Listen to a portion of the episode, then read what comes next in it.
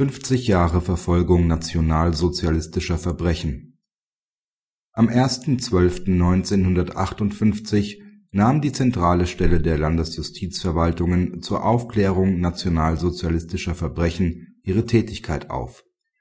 Mit ihrer Gründung begann eine systematische Verfolgung der Untaten nationalsozialistischer Verbrecher. Der Leiter der zentralen Stelle, Oberstaatsanwalt Kurt Schrimm aus Ludwigsburg stellt im Interview die Behörde vor. Herr Schrimm, die zentrale Stelle feiert ihr 50-jähriges Bestehen. Da lohnt es sich, ein Fazit zu ziehen. Wie zufrieden sind Sie mit der Arbeit der Behörde? Im Nachhinein betrachtet hätte man sich gewünscht, dass die zentrale Stelle nicht erst im Jahre 1958, sondern bereits im Jahre 1950, also mit Beginn der bundesdeutschen Zuständigkeit für die Verfolgung nationalsozialistischer Verbrechen, gegründet worden wäre. Die Aufklärungsquote wäre in diesem Fall sicherlich höher gewesen. Trotzdem kann man aus meiner Sicht mit der Arbeit der zentralen Stelle insgesamt zufrieden sein. Ihr ist es zu verdanken, dass in den 60er Jahren durch die Auschwitz-Prozesse deutlich wurde, dass noch eine Vielzahl von Verbrechen unentdeckt und damit ungesühnt geblieben waren. Die Bedeutung der zentralen Stelle wird auch dadurch deutlich, dass es uns auch in den letzten Jahren immer wieder gelungen ist, Vorermittlungsverfahren erfolgreich abzuschließen und an zuständige Staatsanwaltschaften abzugeben.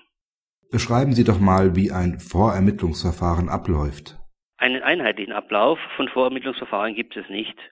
Denkbar ist zum einen, dass wir einem gezielten Anfangsverdacht nachgehen, der durch eine Anzeige, eine Zeugenaussage, einen Hinweis oder auch nur einer Zeitungsmeldung entstanden ist. Der weitere Verlauf des Verfahrens ist dann von der Art des Anfangsverdachts abhängig. In Betracht kommen Archivarbeit, Aktenstudium oder auch Zeugenbefragungen.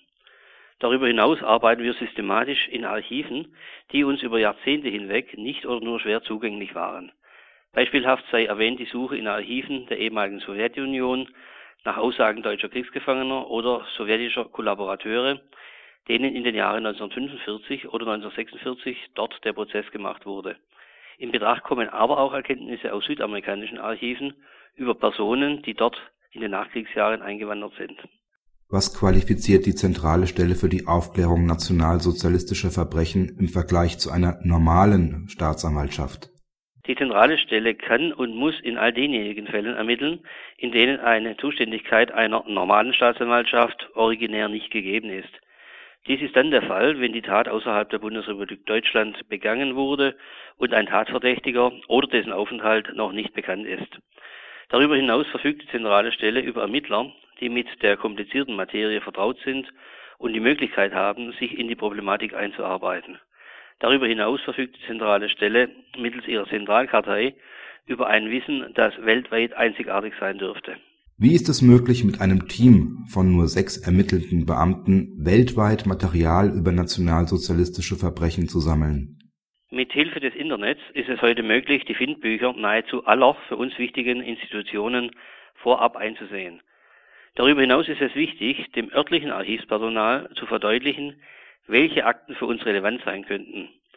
Dadurch ist es in den meisten Fällen möglich, das zu sichtende Material auf ein übersichtliches Maß zu reduzieren. Es kann dabei aber auch durchaus vorkommen, dass wir bei der Arbeit an unsere Grenzen stoßen, so zum Beispiel in Argentinien, wo die Einwanderungsakten der Jahre 1945 bis 1949 gesichtet werden sollten. Bei der genannten Zahl von circa 800.000 war die Umsetzung dieses Vorhabens jedoch nicht möglich. Wird es die zentrale Stelle in dieser Form noch länger geben? Es gilt das Wort des Justizministers von Baden-Württemberg, Professor Dr. Ulrich Goll. Danach wird die zentrale Stelle ihre Arbeit so lange fortsetzen, solange noch die Möglichkeit weiterer Aufklärung und Täterermittlung besteht. Wie lange dies der Fall sein wird, kann derzeit noch nicht beurteilt werden. Vielen Dank für dieses Interview, Herr Oberstaatsanwalt Schrimm.